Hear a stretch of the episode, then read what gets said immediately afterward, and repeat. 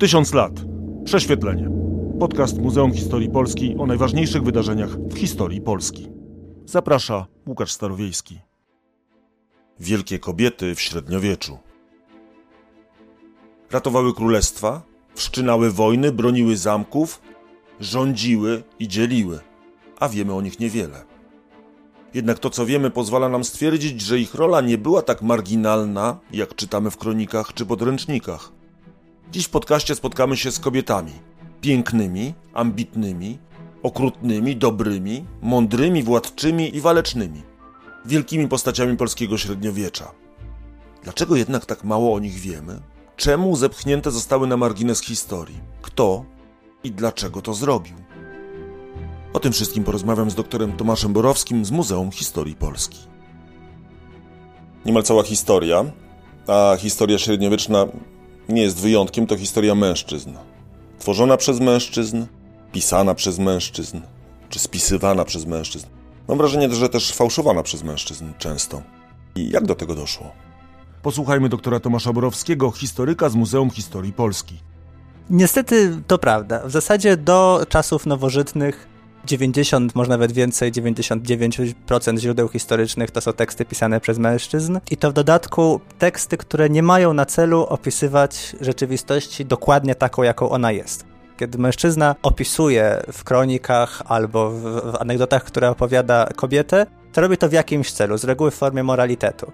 Więc e, to takie poczucie, że historia jest patriarchalna i kobiety są tam wpisywane w role, których one sobie same nie wybrały, jest bardzo silne. I średniowiecze pod tym względem nie różni się od innych epok, w jakimś sensie jest kontynuatorem tradycji wcześniejszych, ponieważ taki, taki w gruncie rzeczy mizoginistyczny obraz y, kobiety, wymyślony przez, przez mężczyznę, średniowiecze odziedziczyło z czasów antycznych to idzie trochę w kontrze do takiego stereotypu, gdzie, gdzie antyk kojarzy się z, ze słońcem, oliwkami, kobietami w pięknych strojach, takimi wyzwolonymi, wyemancypowanymi, a średniowiecze to jest to miejsce, gdzie kościół jest opresyjny względem kobiet, gdzie kobieta musi się zakrywać i, i nie może powiedzieć swojego zdania. Ten stereotyp właśnie pochodzi ze średniowiecza. To znaczy w średniowieczu męscy autorzy w ten sposób opisywali antyk, wskazując na rolę silną kobiet, na wyuzdanie seksualne, tylko że oni to piszą krytycznie. Tak jakby to, co w dzisiejszych czasach e, nasza percepcja tego opisu jest stosunkowo pozytywna, to znaczy widzimy, że są kobiety wyzwolone, które decydują o swoim ciele, o swoich partnerach i, i, i tak dalej, podczas gdy w czasach, kiedy te teksty były pisane, to miało być pokazane w sposób negatywny. Ten mizoginizm, który znamy w średniowiecznych tekstach, jest już obecny w antyku. Już Arystoteles porównywał kobiety do niewolników, wskazywał, że to są e, osoby, które potrzebują męskiego przewodnictwa. Kobiety w antyku były e, ograniczone, ich, ich działania była taka część domu, która była zarezerwowana dla kobiet. Nie, nie było w dobrym guście, żeby kobieta rozmawiała z mężczyznami, którzy byli spoza rodziny tak naprawdę już w antyku kobieta była potwornie ograniczana i jeżeli w średniowieczu ta percepcja antyku się trochę zmieniła, to dlatego, że oni chcieli ten antyk jako pogański obrazić. Więc tak, y, skąd to się wzięło? Y, średniowiecze pod tym względem kontynuowało tradycje wcześniejsze, zarówno greckie, rzymskie, jak i starotestamentowe w kulturze hebrajskiej. Kobiety były opisywane po to, żeby osoba, która czytała, odebrała jakąś naukę moralną na temat tego, co jest złe i co jest dobre. Bardzo rzadko kobiety same piszą, Wróćmy jeszcze do tego, e, do tego toposu kobiety. Kobieta najczęściej albo jest pobożna, wtedy ok, albo jest zła, jeżeli już pojawia się w źródłach, e, w źródłach średniowiecznych. Tak, w, w, zasadzie tak. Tutaj także po prostu istnieje kilka archetypów kobiet, dobranych częściowo ze źródeł antycznych, częściowo z Starego i z Nowego Testamentu. Kiedy historycy szukają silnych kobiet, to one są opisywane jako silne kobiety w większości przypadków. Nie dlatego, że kronikarz jest pod wrażeniem ich siły, tylko po to, żeby na przykład obrazić mężczyznę, który jest w pobliżu. I dlatego potem w kronikach bardzo często, żeby pognębić jakiegoś władcę lub jakiegoś przeciwnika, e, będzie napisany, kronikarz może napisać, że on ulegał swojej żonie, że ta żona go dominowała. To nie jest koniecznie dlatego, że ta żona naprawdę go dominowała, tylko po to, żeby skrytykować tego władcę. Więc jako historycy mamy taki kłopot, że kobiety opisane jako silne niekoniecznie były naprawdę silne, a kobiety opisane jako słabe mogły tak naprawdę być silne, więc historyk ma tu bardzo trudne zadanie, żeby tą propagandę męską jakoś od, postarać się odnaleźć ziarno prawdy w tym. Krótko o innej polskiej władczyni i władcy, Władysław II Wygnaniec i, i, i księżna jego żona Agnieszka. Tym smutniejsze były jego rządy, pisze Wincenty Kadłubek, im więcej oddawał się rozkoszy w objęciach żony. Niełatwo bowiem panować nad żoną, skoro raz jej pozwoli się zapanować. Albowiem zwycięska jej duma nie poprzestanie na zwycięstwie, dopóki wszystkich najoporniejszych karków nie podda pod swoje rządy. Obrazuję e, fragmentem źródła to, co mówiłeś. A czy ze źródeł wynika, że tak naprawdę rola kobiet, czytając je tak bez interpretacji, że ta rola kobiet w średniowieczu była marginalna? Czy rzeczywiście taka była? Zdaje się, że nie. Można postarać się to udowodnić na, na dwójnasób. Po pierwsze, fakt, że kobiety tak często pojawiają się w kronikach. To znaczy, jeżeli mężczyźni stale mają potrzebę utrzymania tego stereotypu, czy ciągłego nauczania, jak powinna się zachowywać kobieta, jak powinny wyglądać relacje damsko-męskie, to znaczy, że to jest temat stale omawiany, stale będący dyskusją. No i dodatkowo, to z reguły piszą osoby duchowne, które same nie mają żon, więc starają się pouczać osoby spoza. Więc ta wszechobecność kobiety już jakoś się pokazuje, że ona jest bardzo ważnym elementem imaginarium, krajobrazu myśli, kultury. Nie da się bez niej żyć jednak mimo wszystko, nawet jeżeli przynajmniej literacko się ją marginalizuje. Tak, ale na przykład bez chłopów, bez, nie wiem, niewolników, bez, bez poddanych też nie da się żyć, a stereotypów na temat niewolnika poddanego jest zdecydowanie mniej. W takim sensie oczywiście pojawiają się także dobry władca, jego relacje z poddanymi, to, to są takie stereotypy, Natomiast mimo, że ci ludzie, te, te klasy są tak samo niezbędne, to nie są tak, tak częste w, w moralitetach, w kronikach. Jak już czytamy o kobiecie, to mówiłeś o tych stereotypach, a są jakieś takie dokładnie wyodrębnione sztance tych, tych bohaterek kronik średniowiecznych? W zasadzie tak. Oczywiście jest tutaj pewna przestrzeń dla indywidualizmu, to znaczy mimo wszystko, jeśli kobieta y, miała bardzo silny własny charakter i, i odgrywała istotną rolę, no to kronikarz musiał to jakoś zaznaczyć ale mimo to w bardzo wielu opisach widać po prostu kopie dawnych stereotypów. Polska jest tutaj częścią takiego szerszego europejskiego trendu. Polskie królowe, Judyta Salicka, żona Władysława Hermana, czy także właśnie żona Władysława e, Wygnańca, o której mamy e, taki, taki ładny cytat z Wincentego Kadłubka. To są stereotypy tych kobiet dominujących właśnie osadzonych o Herodiadę, o Salome, negatywne. To nie chodzi o to, że kronikarz bardzo nie lubi konkretnie tej kobiety, raczej nie lubi tego władcy i stara się po prostu pokazać go jako słabego władcę poprzez tą kobietę, mimo że ta słabość nie musiała wynikać przez tą kobietę. Jest też oczywiście stereotyp kobiety pobożnej, matki Konstantyna, która przyjęła i tak jakby przyswoiła chrześcijaństwo przed swoim synem i, i dopiero poprzez nią Konstantyn zbliża się do, do chrześcijaństwa no to tutaj takim archetypem jest Dobrawa, prawda? To znaczy ona nie jest matką Mieszka, no ale jest bardzo pobożną kobietą i to przez nią... Nawraca Mieszka tak naprawdę no, no, według kronik. Wcześniej Mieszko ma, ma, ma wiele żon, siedem żon, i to jest też oczywiście liczba symboliczna, ponieważ chodzi o siedem grzechów głównych. Czyli tak znowu, kobieta jest tutaj symboliczną. Tak naprawdę nie miał siedmiu żon. Nawet nie wiemy, czy w ogóle instytucja żony w czasach przedchrześcijańskich w Polsce funkcjonowała. Więc ta idea, że on ma te siedem żon i od, odrzuca je, to jest nawiązanie po prostu do grzechu. I Dobrawa, jako ta wyrozumiała, bogobojna władczyni, też jest po prostu kopią toposu świętej Heleny, matki Konstantyna. W opisie polskich kobiet widać powtarzanie toposów wyniesionych z Starego i Nowego Testamentu, z, po prostu z kultury europejskiej. Nawet mimo tych takich rygorystycznych wzorców, czy toposów, czy sztanc, przez historię polskiego średniowiecza dość wyraźnie przedzierają kobiety, już je e, niektóre wymieniliśmy, które jednak odgrywały bardzo znaczącą rolę w polskiej historii. Za chwilę je przedstawimy.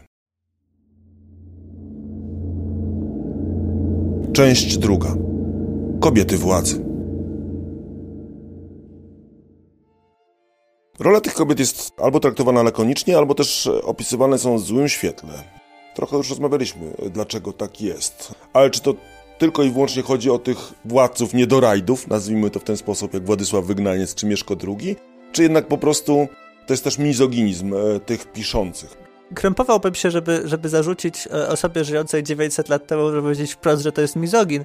Natomiast z całą pewnością ta kultura tak kształtowała pogląd na temat kobiety, że gdyby kobieta starała się wprost mówić, jaką ma, jakie ma zdanie i wywierać wprost swój wpływ, to zasłużyłaby na krytykę ze strony duchowieństwa i prawdopodobnie zostałaby opisana w sposób negatywny. Więc w takim sensie to jest mizoginizm? Mizoginizm instytucjonalny, można by powiedzieć. Tak, mizoginizm, mizoginizm instytucjonalny, kulturowy, taki na poziomie wręcz, wręcz podświadomym. To po prostu byłoby zachowanie, które nie przystoi. Natomiast kobiety miały także narzędzia obłaskawiania kronikarzy. W związku z tym źródeł, które o nich piszą, ponieważ dysponowały majątkiem. Kobiety mogły być fundatorkami sztuki, mogły wspierać zarówno klasztory, jak i indywidualnych duchownych. I wtedy taki duchowny był zobowiązany opisać kobietę pozytywnie, ale znowu ten opis mógł nie mieć nic wspólnego z jej charakterem. On ją opisywałby jako bardzo pobożną, jako bardzo skromną. Nawet jeśli w realu, w cudzysłowie, ta kobieta ani by nie była pobożna, ani by nie była skromna, ale ponieważ była jego dobrodziejem... Mecenasem. Tak. I on wiedział, że jeżeli prawi jej komplement, to to musi być taki komplement, jaki w tamtych czasach byłby uznany za, za dobry.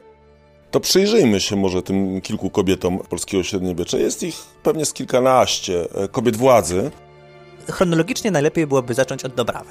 Bo to, to, w jakimś sensie Polska jest tutaj wyjątkowa, że początek Polski wiąże się z małżeństwem i tak jakby od razu kobieta współtworzy tą historię. Galanonim o Dobrawie. W końcu zażądał Mieszko małżeństwo jednej bardzo dobrej chrześcijanki z Czech imieniem Dąbrówka. Lecz ona odmówiła poślubienia go, jeśli nie zarzuci owego zdrożnego obyczaju, i nie przyrzeknie zostać chrześcijaninem. Gdy zaś on przystał, że porzuci ów zwyczaj pogański i przyjmie sakramenta wiary chrześcijańskiej, pani owa przybyła do Polski z wielkim orszakiem dostojników świeckich i duchownych. Ale nie pierwej podzieliła z nim małżeńskie łoże, aż powoli, a pilnie zaznajamiając się z obyczajem chrześcijańskim i prawami kościelnymi, wyrzekł się błędów pogaństwa i przeszedł na łono Matki Kościoła. Galanonim tutaj występuje, pisze moralitet. W takim sensie wiadomo, że, że to nie jest odzwierciedlenie rzeczywistości. To jest, y, to jest laurka dla tego związku, dla tej osoby. Titmar z kolei też pozytywnie przedstawiając tą postać, pokazuje to inaczej, że ona zgodziła się zgrzeszyć. To zgrzeszyć nie w łożnicy, ale w... tak. jadła mięso przez kilka e, wielkich postów. Więc Polska pod tym względem jest wyjątkowa, ponieważ mamy ważną władczynię na samym początku i według kronikarzy ona odgrywa e, istotną rolę. Natomiast mało o niej wiemy osobiście przez to, że kronikarze wkładają ją w te stereotypy. Kobietą, o której wiemy, że e, w historii Polski miała rolę sprawczą, jest e, Rycheza, żona Mieszka II. Jednym z zaszczytów, których wtedy dosięg dosięgliśmy, czy raczej e, Piastowie dosięgli, było małżeństwo, które łączyło dynastię Piastów, bardzo młodą przecież, z rodem cesarskim.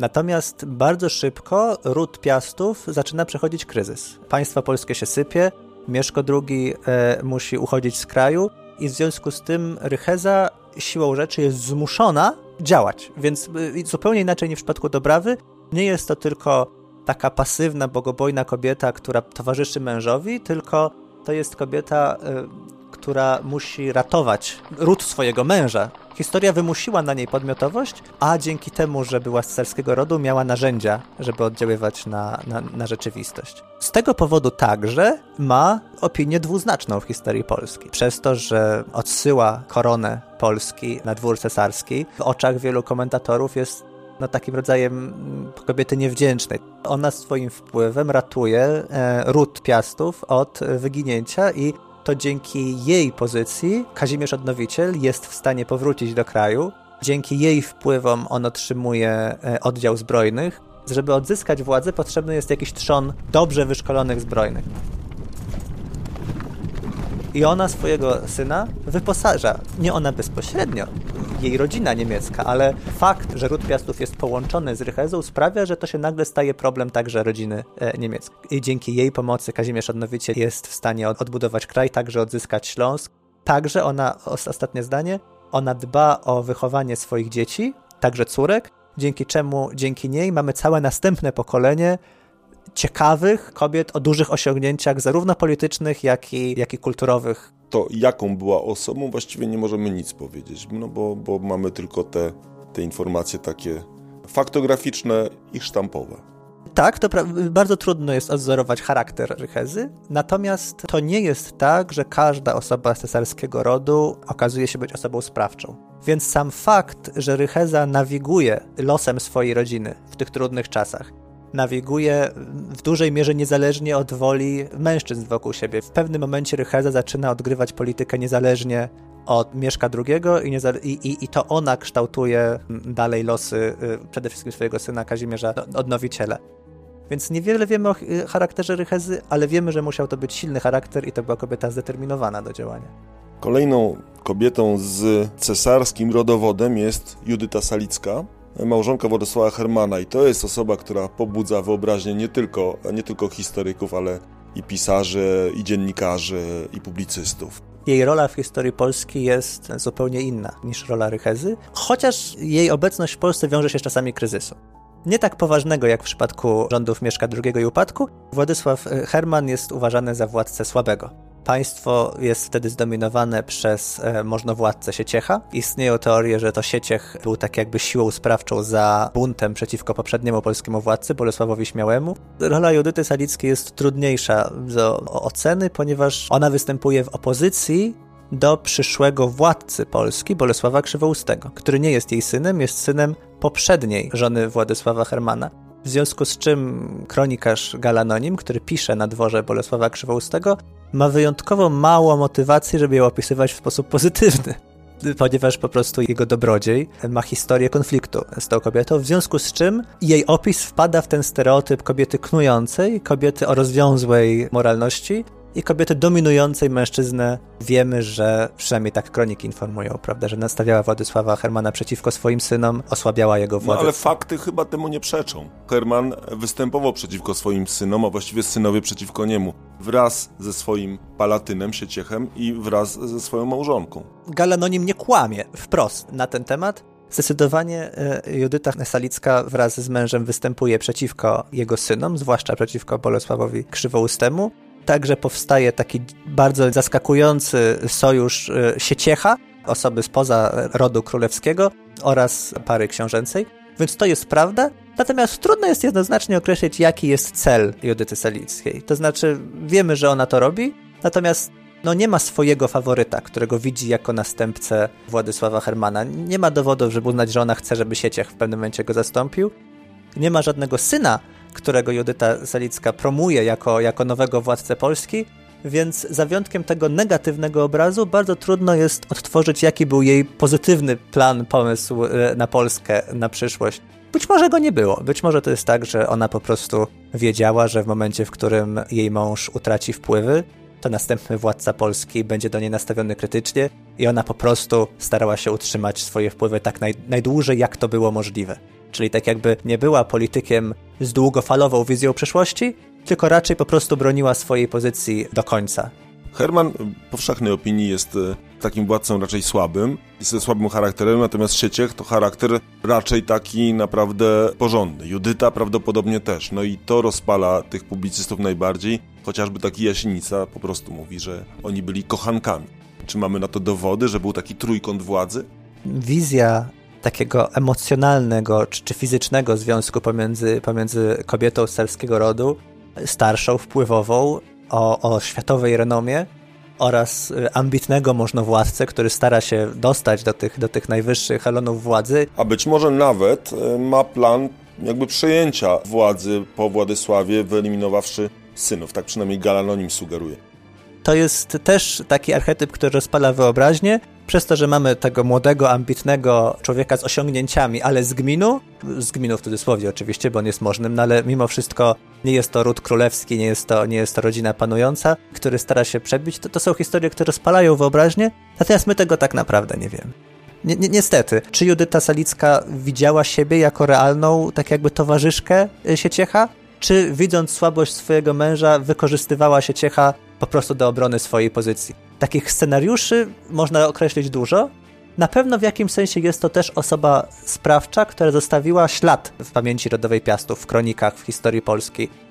Natomiast jaki był, jaki był jej realny cel i czy tam naprawdę był związek emocjonalny, czy była pasja, miłość, erotyzm, tego niestety nie wiadomo, właśnie dlatego, że erotyzm jest używany jako narzędzie do moralitetu. Chociaż być może i taki trójkąt mógł mieć miejsce byłby to pierwszy nam znany trójkąt w historii Polski, no ale, no ale pewności mieć nie możemy, to, to zostawmy w takim razie Judytę. O Agnieszce, żonie Władysława Wygnańca, trochę już mówiłem. Ona walczyła według przynajmniej Wincentego Kadłubka przeciw braciom Władysława Wygnańca. Wincenty Kadłubek nazywał nawet ją tygrysicą i ona i mówi o tym, że ona broniła Krakowa przed młodszymi przyrodnimi braćmi Władysława, kiedy już Władysław był na wygnaniu. To jest taka kolejna mocna kobieta i to jest kolejna kobieta z rodu cesarskiego, tak się tak. układa. Ta historia, historia z obroną Krakowa jest, jest, jest wyjątkowo interesująca i dobrze pokazuje problem z, z silnymi kobietami w historii polskiej oraz z histo w historii ogólnie.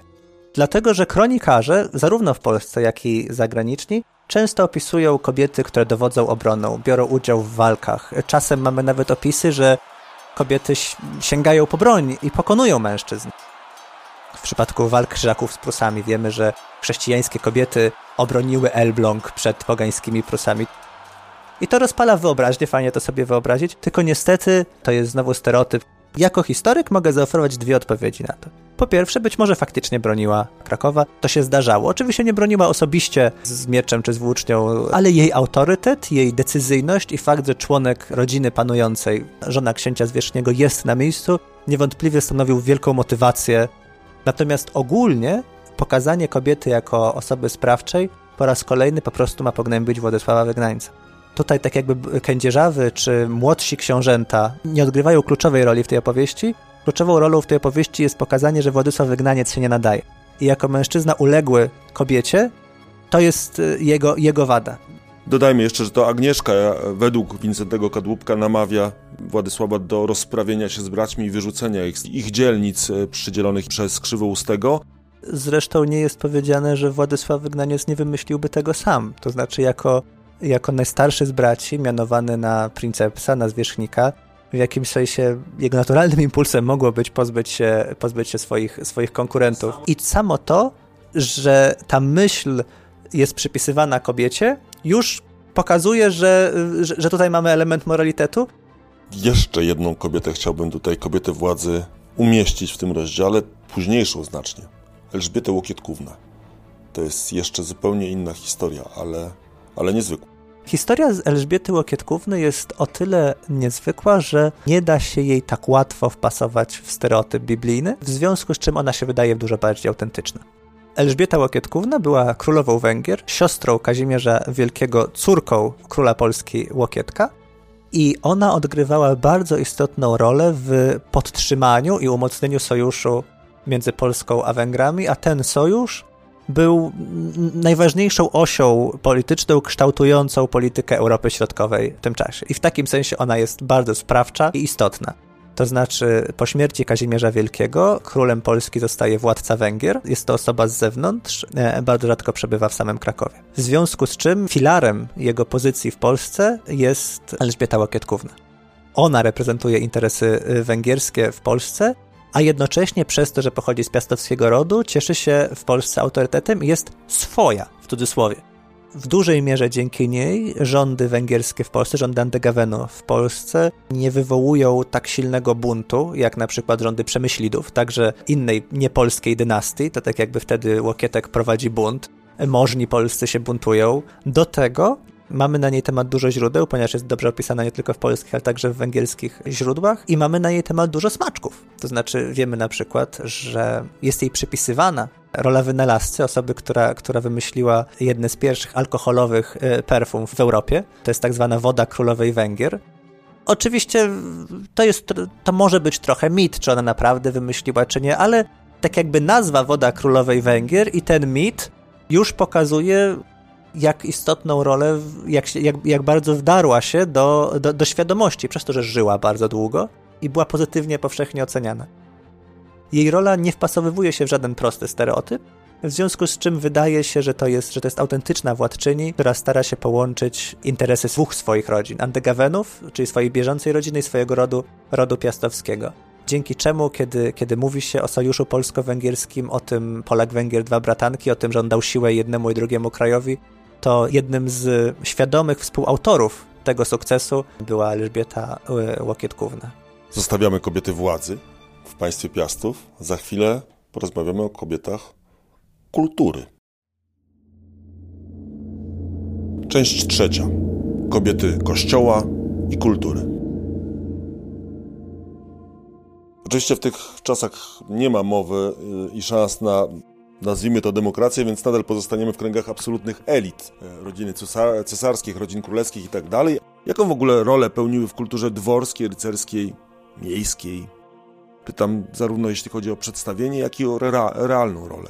Na to pytanie są dwie odpowiedzi, ponieważ rola kobiet realna jest inna niż rola kobiet w kulturze. Na temat roli kobiet w kulturze już trochę było powiedziane, zwłaszcza w tej kulturze chrześcijańskiej. Na tym tle można dodać, e, że w drugiej połowie średniowiecza, tak od XIII wieku w górę, zaczyna rozwijać się w cudzysłowie tak zwana kultura rycerska, kultura dworska i tam rola kobiety zaczyna być inna. Kobieta staje się trochę sędzią, co jest też takim dodatkowym upodmiotowieniem, chociaż też upodmiotowieniem przez mężczyzn, więc kontrolowanym, ale to kobieta ocenia, czy rycerz jest godny, czy zachowanie rycerza jest, jest, jest godne. Kobieta obdarza jednego wdziękami, innego nie. Rycerze zabiegają e, o kobietę i w takim sensie w drugiej połowie średniowiecza pojawiają się nowe archetypy, e, e, nowe archetypy kobiety, już takie mniej bezpośrednio związane z Biblią czy, czy ze światem antycznym.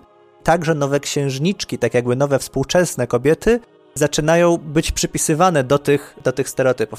Najsilniej tak się dzieje na Śląsku, ponieważ Śląsk jest najbardziej zeuropeizowanym e, regionem Polski, więc tam żony poszczególnych piastów śląskich, dzielnicowych, one zaczynają być wpasowywane w ten stereotyp żony rycerza, czyli właśnie kobiety, która obdarza laurem na turnieju rycerskim, kobiety, która kocha swojego małżonka. Na płytach nagrobnych mamy nagle wizerunki kobiet trzymających swojego męża za rękę lub rycerzy mających na pasach napisy Amor, ale to jest znowu pewien, pewien stereotyp. Jaka, jaka była realna rola kobiety? Tutaj tak jakby trzeba z takich y, czytać to z dokumentów surowych, czyli najlepiej z aktów procesowych, nie z kronik, ponieważ kroniki są narracyjne i są moralitetami, ale y, zwłaszcza w późniejszym średniowieczu w Polsce zaczynają być takie surowe dokumenty, zwłaszcza akty sądowe. Dzięki tym dokumentom wiemy, że kobiety potrafiły walczyć o swoje w sądzie. Wiemy na przykład, że w XIV wieku w jednej z polskich wsi wójtem była kobieta, co jest e, ewenementem, rzadkością. To jest smaczek. To nie jest tak, że tych wójtów było wielu, ale zdarzyło się. Znamy kobiety, na przykład właścicielki oberży, które pozywają gości oberży za zniszczenie mienia w tej oberży. Znamy kobiety, które oskarżają mężczyzn o nieporządne zachowanie się. Na przykład, że kobieta podróżuje pomiędzy Lwowem a Krakowem, mężczyzna chce jej towarzyszyć, E, i kobieta do sądu idzie, on się jej narzuca, jej nie przystoi podróżować razem z obcym mężczyzną między, między Lwowem a Krakowem. Więc w drugiej połowie średniowiecza mamy takie dokumenty, które pokazują już życie, życie codzienne i to są no, takie postacie z krwi i kości, które nie różnią się wiele od nas. To znaczy walczą, walczą o swoje, walczą o pieniądze, walczą o dziedziczenie, oskarżają mężczyzn, bronią się, no ale wiemy, że znają prawo. Nie wiemy, czy potrafią czytać, ale nawet chłopki w XV wieku potrafią czasem pójść do sądu, składać zeznania i bronić swoich praw. Czyli tak jakby poza kulturą. Tak, tak, chłopki, ponieważ samorząd wiejski rozwija się w Polsce od XIII wieku, kwitnie w XV, na samym początku XVI wieku, wtedy mamy sprawy sądowe których właśnie występują także kobiety z gminu, chłopki. Natomiast potem w renesansie ten samorząd wiejski upada. Takich przykładów spraw sądowych z kobietami jest kilka. To z reguły jest po prostu walka o pieniądze, o dziedziczenie lub o to, że ktoś im coś zniszczył i one chcą odszkodowań. Wróćmy do początków polskiego średniowiecza. Przedstawmy takie może osoby, które no, wyzierają właśnie z tych kronik, czy wyzierają w ogóle z dokumentów. Nie jest ich dużo, ale, ale są znaczące. Taką pierwszą jest jedna z Twoich ulubionych postaci średniowiecza. Tak, Gertruda Mieszkówna. Na samym początku polskiej historii mamy kobietę, która sama pisze o sobie. To jest córka polskiego króla, także owoc tego czasu e, złotego wieku Bolesława Chrobrego. Ona część swojego dzieciństwa spędza już na wygnaniu, właśnie z Rychezą, czyli w jakimś sensie jest to silna kobieta ukształtowana przez inną silną kobietę. Ona otrzymała dobre wykształcenie właśnie dzięki wpływom matki, Rychezy, i po odbudowie Królestwa Polskiego ona zostaje żoną wielkiego księcia kijowskiego Izjasława. Natomiast można powiedzieć, że w jej życiu wydarza się takie déjà, vu, ponieważ Izjasław także okazuje się mieć kłopot. Tak jak jej ojciec zawiódł, w cudzysłowie zawiódł swoją żonę, żona musiała ratować e, Schedę, tak samo tutaj Izjasław jest, jest władcą e, nieprzesadnie lubianym w Kijowie, musi z tego Kijowa uciekać do Polski razem ze swoją żoną i w tej Polsce jest w świecie sobie obcym ponieważ to jest świat kultury łacińskiej, zachodniej i siłą rzeczy polega nagle na Gertrudzie, która ma silne związki z Polską jako, Pol jako Polka. Zresztą kroniki ruskie opisują ją jako Polka, więc to jest też dla nas istotne, że mimo, że pochodzi także z cesarskiego rodu poprzez swoją matkę Rychezę, to jest opisywana jako Polka i nagle losy Izjasława wisi na jej inteligencji i na tym, jak ona potrafi swoje wpływy wykorzystać. Najpierw prosi o pomoc polskiego władcę, otrzymuje ją, Izjasław wraca do Kijowa i znowu nie udaje się, musi uciekać z Kijowa i tym razem Polska odmawia kolejnej pomocy. I można powiedzieć, koniec. No jeżeli nawet rodzina Gertrudy nie pomaga, no to, to koniec. Ale Gertruda się nie poddaje. Razem z Izjasławem jadą do Rzymu, do Włoch. Tam Izjasław składa serię obietnic dotyczących podporządkowania Kijowa władzy papieskiej. Trudno, to jest troszkę spekulacja, ale, ale wydaje się, że Gertruda odgrywa w tym istotną rolę, ponieważ ona jest po prostu dobrze wykształcona. Z jej własnych pism wiemy, że zna pisma świętego Augustyna, zna konflikty teologiczne pomiędzy wschodnim a zachodnim kościołem i potrafi zaoferować jakieś drogi wyjścia. Papież y, udziela wsparcia i, i, napomina władców Zachodu, że mają Izjasławowi pomóc. I dzięki temu Izjasław po raz kolejny wraca wraca do Kijowa, więc to jest kobieta sprawcza na polu politycznym, a także na polu duchowym, ponieważ my tą historię znamy w dużej mierze dzięki jej modlitewnikowi, który zachował się do, do dzisiejszych czasów. Ona tam pisze własne modlitwy. We współczesnych czasach można by pomyśleć, modlitwa to nic takiego, po prostu każdy sobie tam napisał Ojcze Nasz. Natomiast te modlitwy to jest poezja średniowieczna. To jest łacińska poezja, która jest bardzo osobista, to znaczy ona tam mówi o swoich lękach, e, o swoich obawach, prosi o opiekę nad swoim synem. Widać, jak bardzo zmienia się e, z czasem, ponieważ ona to pisze na przestrzeni kilkunastu lat. Więc tak jakby widzimy, jak różne modlitwy odzwierciedlają różne etapy jej życia, o co ona się modli, czego się w danym momencie obawia, jakich formuł łacińskich używa, bo te formuły świadczą też o literaturze łacińskiej, którą przeczytała. Więc jest to potwornie bogaty zbiór wczesnej literatury, pisanych odręcznie ręką kobiety, i one świadczą zarówno o jej roli w kulturze, jak i o jej sprawczości politycznej. Dodajmy, że to jest pierwszy polski pisarz.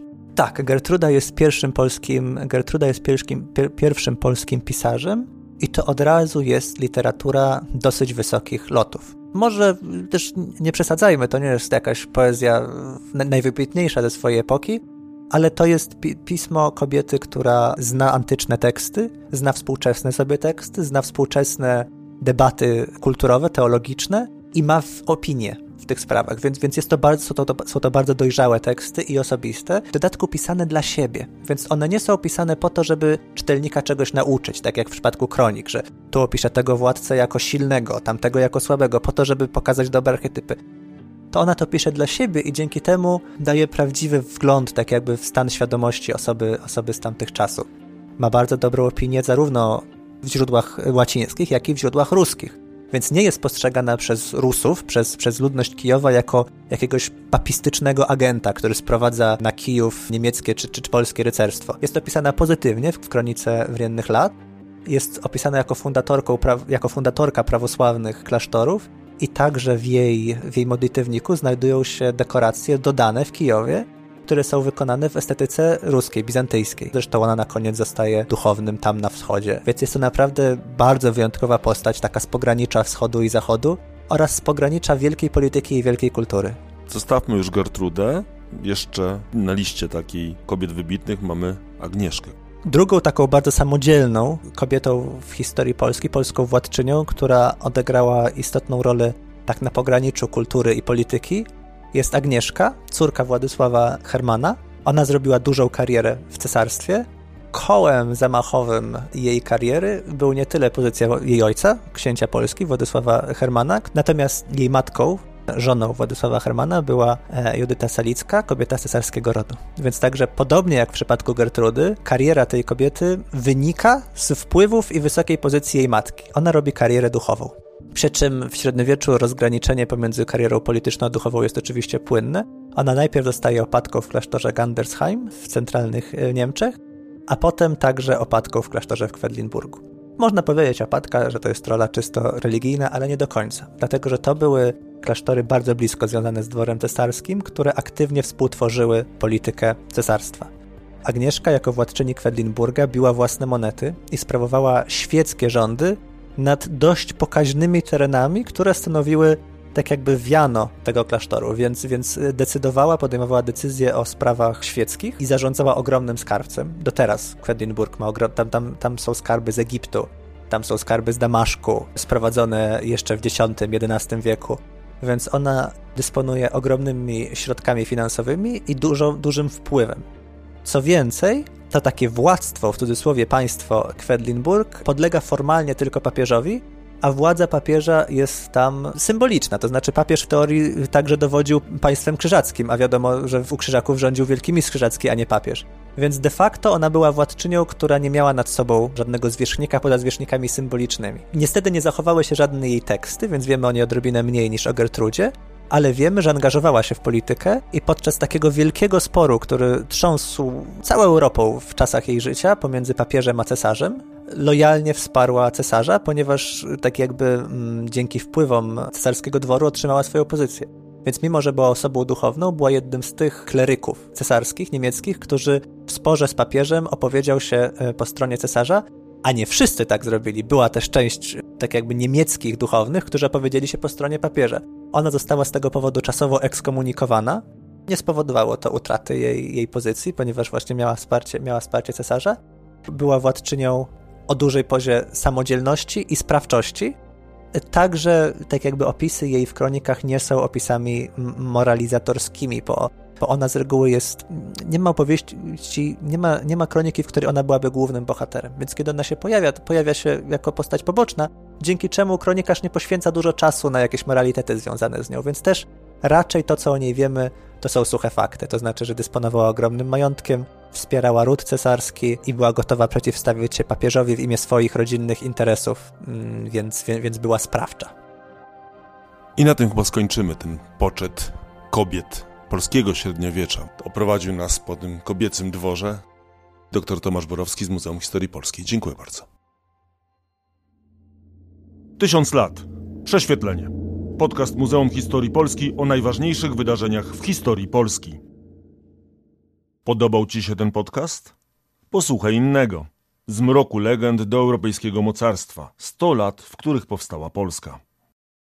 Podcastów 1000 lat prześwietlenie wysłuchasz na YouTube, Spotify, Google Podcast, Audiotece, a także na innych platformach podcastowych. Chcesz być na bieżąco? Subskrybuj kanał Muzeum Historii Polski.